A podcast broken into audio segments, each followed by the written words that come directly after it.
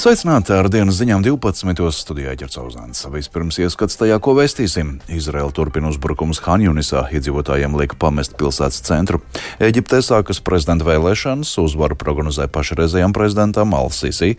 Latvijā sāk kampaņu par dūmu detektoru nepieciešamību. Latvijas dāmu florbola izlase ar uzvaru noslēdz pasaules čempionātu Lakers, NBA kausa pirmie čempioni. Par šiem tematiem turpinājumā plašāk.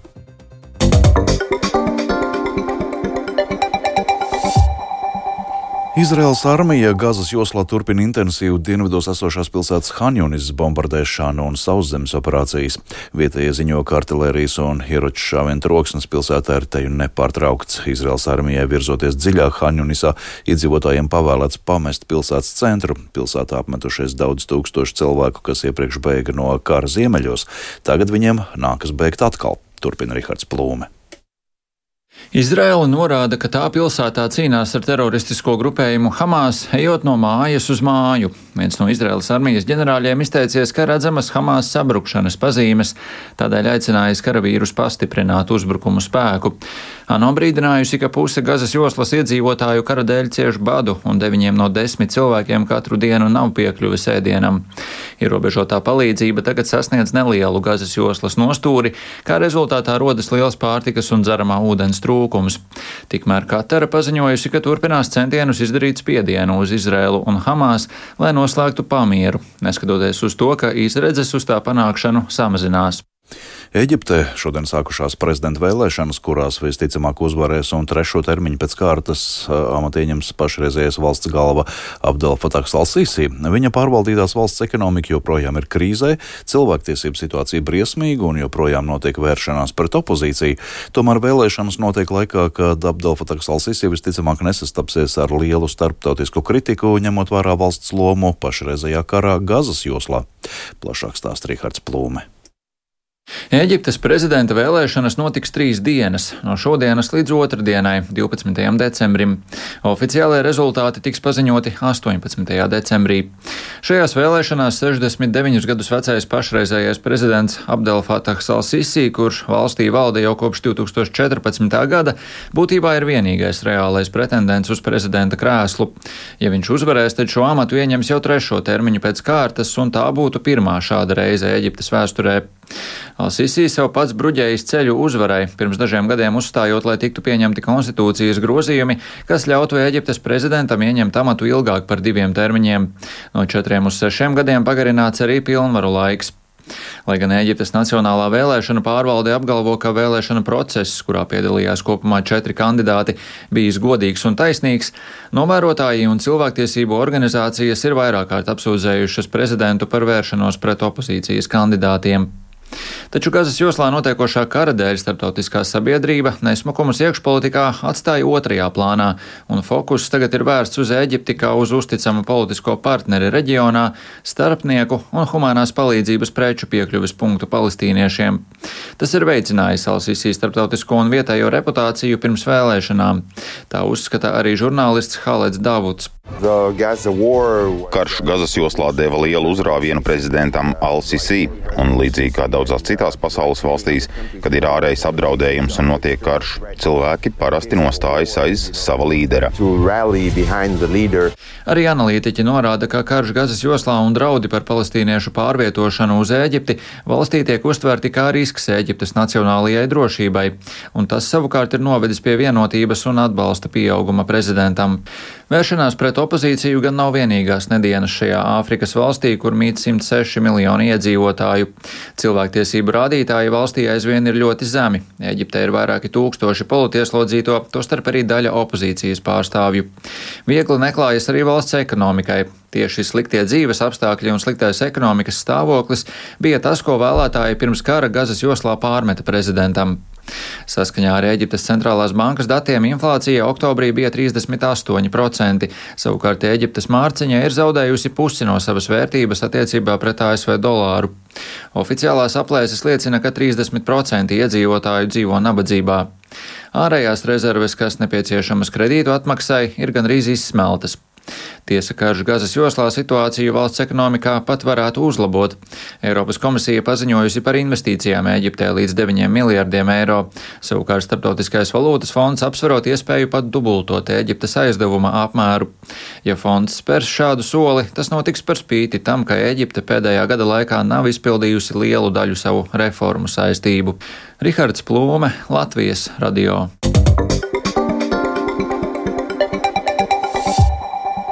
No nākamā gada Latvijā būs viena mikrouzņēmuma nodokļa likme 25%. Par to saimnieks vienojās skatot nākamā gada valsts budžeta likuma projekts. Saimnes opozīcija gan norāda, ka likme ir par augstu un veicinās daļas uzņēmumu nonākšanu ēnu ekonomikā. Vairāk Jāņa Kīņš ierakstā. Pašlaik mikrouzņēmumu nodokļu likme apgrozījumam līdz 25 tūkstošiem eiro gadā ir 25%, bet apgrozījuma daļai virs 25 tūkstošiem eiro gadā - 40%. Nodokļu darba grupa kopš pavasara vērtēja, ka turpmāk jānosaka viena likme. Figurēja dažādas versijas - 18%, 20%, vēlāk arī 25%. Izvēlēts augstākais variants, lai nodrošinātu lielākas sociālās iemaksas tiem, kuriem mazā uzņēmē darbība ir vienīgais ienākuma veids. Tā to debatēs saimā pamatoja finanšu ministrs Arvils Ašarādens no jaunās vienotības. Tas ir vienīgais viņa sociālo iemaksu avots. 80% no šīs nodokļu likmes aiziet sociālām iemaksām. Un droši vien mēs visi vēl atceramies Covid laikā. Tie bija tie cilvēki, kas pirmie nāca pie valdības un teica, mūsu apdrošināšanas iemaksas ir bijušas tik mazas, ka mums nepietiek nekam, nekādiem pabalstiem. Un šis, manuprāt, ir ļoti labs atbalsts mazai uzņēmēji darbībai. Mums ir pārliecība, ka šie cilvēki tomēr zināmā mērā, nepilnībā, bet zināmā mērā ir sociāli apdrošināti. Mikro uzņēmumu nodokļu maksātāju skaits Latvijā četru gadu laikā ir sarucis. 2019. gada sākumā tie bija 42 tūkstoši, bet šā gada oktobrī apmēram 9200, liecina valsts ieņēmuma dienesta apkopotie dati. Lai novērstu bažas par daļas mazo uzņēmēju nonākšanu ēnu ekonomikā, saimnes opozīcija iesniedz divus identiskus priekšlikumus - noteikti mikro uzņēmumu nodokļu likmi 18% apjomā. Šo ideju pamato Artūrs Butāns no Nacionālās apvienības. Pamatā, ja mēs runājam par uh, mājražotājiem, amatniekiem, arī radošajiem personām, kas izmanto šo režīmu, katrā gadījumā labāk, lai tas nodoklis ir mazāks. Jā, arī sociālās iemaksas labāk, lai ir mazākas, bet viņas ir nekā viņš ir ēna ekonomikā, un tad jau tās sociālās iemaksas nav nekādas. Ja. Pamatoti var teikt, jā, ka šis mikro uzņēmuma režīms ir izmantots varbūt nu, mērķim neatbilstoši, varbūt optimizējot nodokļus, koalīcijas pārstāvji minēja taksistus un kaut kādus restorānus, ja, kas izmanto šo režīmu.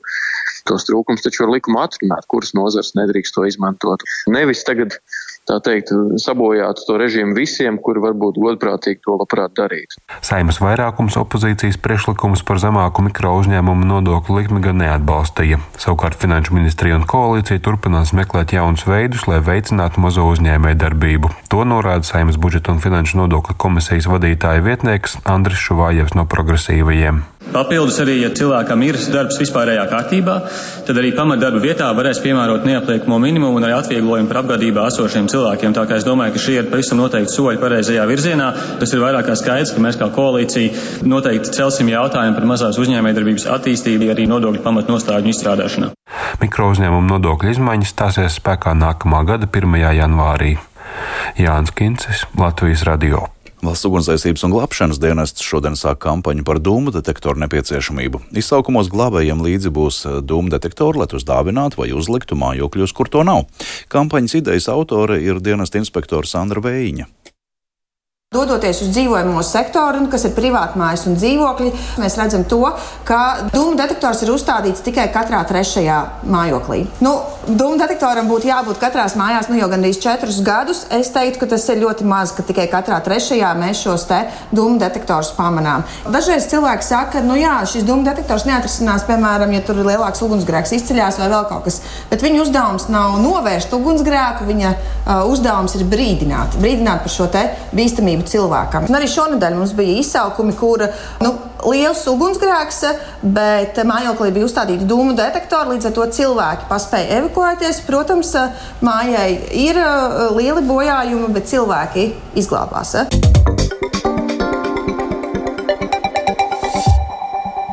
Vēl par sportu. Pār vēsturē pirmajiem Nacionālās basketbola asociācijas kausa ieguvējiem šorīt kļuva Los-Angeles Lakers, bet Latvijas dāmu florbola izlase ar uzvaru noslēdza pasaules čempionātu. Vairāk par aizvadītiem un arī vēl gaidāmajiem sporta notikumiem stāsta Mārtiņš Kļavinieks. Losandželosas Lakers vienība Lasvegasā triumfēja pirmajā Nacionālās basketbola asociācijas kausa izcīņā un finālspēlē viņi ar 123-109 uzveic Indiānas Pacers. Šis mačs netika reģistrēts NBA regulārā čempionāta ieskaitē. Čempionu rindās vispilgtāk izcēlās Antonijs Deivis, kurš guva 41 punktu un izcīnīja 20 atlēkušās bumbas. Par pirmā NBA kausa izcīņas vērtīgāko spēlētāju atzina Lakers līderi Lebronu Džeimsu, kurš finālā guva 20. 24 punktus un izcīnīja 11 bumbas zem groziem. Pēc kausa saņemšanas savās rokās Džeims gan uzsvēra komandas saliedētības nozīmi, nevis individuālos sasniegumus. Yeah, the, uh, the Galvenais jau nav mans vērtīgākā spēlētāja tituls, bet gan saliedētība, kādu izveidojām komandā šī turnīra laikā un beigās uzvarējām. Šī ir NBA kausa debijas sezona. Nākotnē visus rekordus kāds labos, bet viena lieta paliks nemainīga. Mēs vienmēr būsim paši pirmie šī turnīra čempioni. To neviens nekad nevarēs pārspēt. Ir brīnišķīgi, ko tādu paveikt ar tik vēsturisku komandu kā Lakers. Vēl patīkamāk to ir paveikt kopā ar šiem humanitāriem humoru pilniem, mērķiecīgajiem un sacensties augstošajiem vīriem. Pirmais, ko viņi man pajautāja pēc triumfa, bija, kad mēs dabūsim mūsu naudu. Teicu, ka nezinu. Patiesībā es zinu, bet pagaidām vēl viņiem neteikšu. Like, know, know, Par naudu komandas biedri Džeimsam vaicāja pamatoti, jo līga spēlētājus motivēja pēc iespējas sparīgāk cīnīties kausa spēlēs. Katrs no Lakers basketbolistiem par uzvaru saņems pusmiljonu ASV dolāru, bet fināla zaudētāji Pacers iegūs pa piekdaļu miljonam katrs. Kausa fināls arī bija NBA nākotnes mārketinga izrāde, jo mačs notika Lasvegasā, kur nākotnē visticamāk taps jauns līgas klubs. Lebrons Džeims pats izteicies, ka vēlas tur būvēt savu komandu komandu. Tāpat arī vērtīgākā spēlētāja balva Džeimsa rokās ir simboliska, jo šādi viņam tiek iedoti papildu argumenti strīdā par to, kurš tad ir visu laiku labākais basketbolists. Vēl šorīt Latvijas dāmu florbola izlase pasaules čempionātu Singapūrā noslēdza 7. vietā. Latvijas izlase mačā par 7. pozīciju ar 6 pret 4 uzveic Dāniju. Latvietēm ar trim gūtiem vārtiem izcēlās Simona Grāpēna, bet pareizai pretinieces pārspēja Evelīne Garbare, Emīlija Salaciete un Annija Dārta Dankfelde.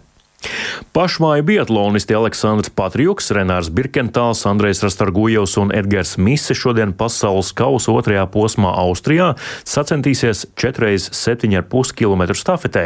Sacensību sākums pusdienos dienā tiešraidē tās translēs Latvijas televīzijas 7. kanāls un arī vietne lsm.lv. Latvija startēs ar 19. numuru no 7. rindas. Pirmo posmu veiks Patriuks, bet viņam sekos Birkentāls, Rastargujevs un Mise mise. Pirmajā pasaules kausa posmā Latvijas kvartetu apsteidza par apli. Vēl šodien divas Latvijas bobsleja četrnieku ekipāžas Francijā Lapleņas trasē sacensties pasaules kausa otrajā posmā. Pirmais brauciens sāksies pustrijos dienā, bet otrais četros. Pilots Emīls Cipulis ar stūmējiem Dāvis Spriņģi, Matīsu Mikni un Kristu Lindenblatu trasē dosies ar astoto numuru, bet Jēkabs kalendārs stūmējiem Edgaru Unguru, Dāvi Kaufmani un Mairi Kļavu ar 11. numuru. Kopumā startēs 17 ekipāžas. Mārtiņš Kļavinieks Latvijas Latvijas radio. Līdz ar to izskan dienas ziņas 12. Tās producēja Edgars Kupčs, par labskaņu rūpējās Ivets Vainiece un Uldis Grīnbergs studijā ķerts auzāns. Yeah.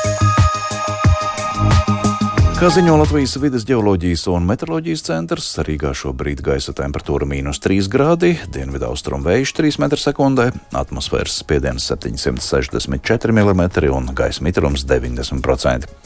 Dienā Latvijā būs pārsvarā apmākusies, vietā mazliet sniks, galvenokārt austrumos, ceļi dažviet slīdeni, austrumu dienvidu-austrumu vējš 2,6 m2, gaisa temperatūra - mīnus 6, mīnus 1 grāds.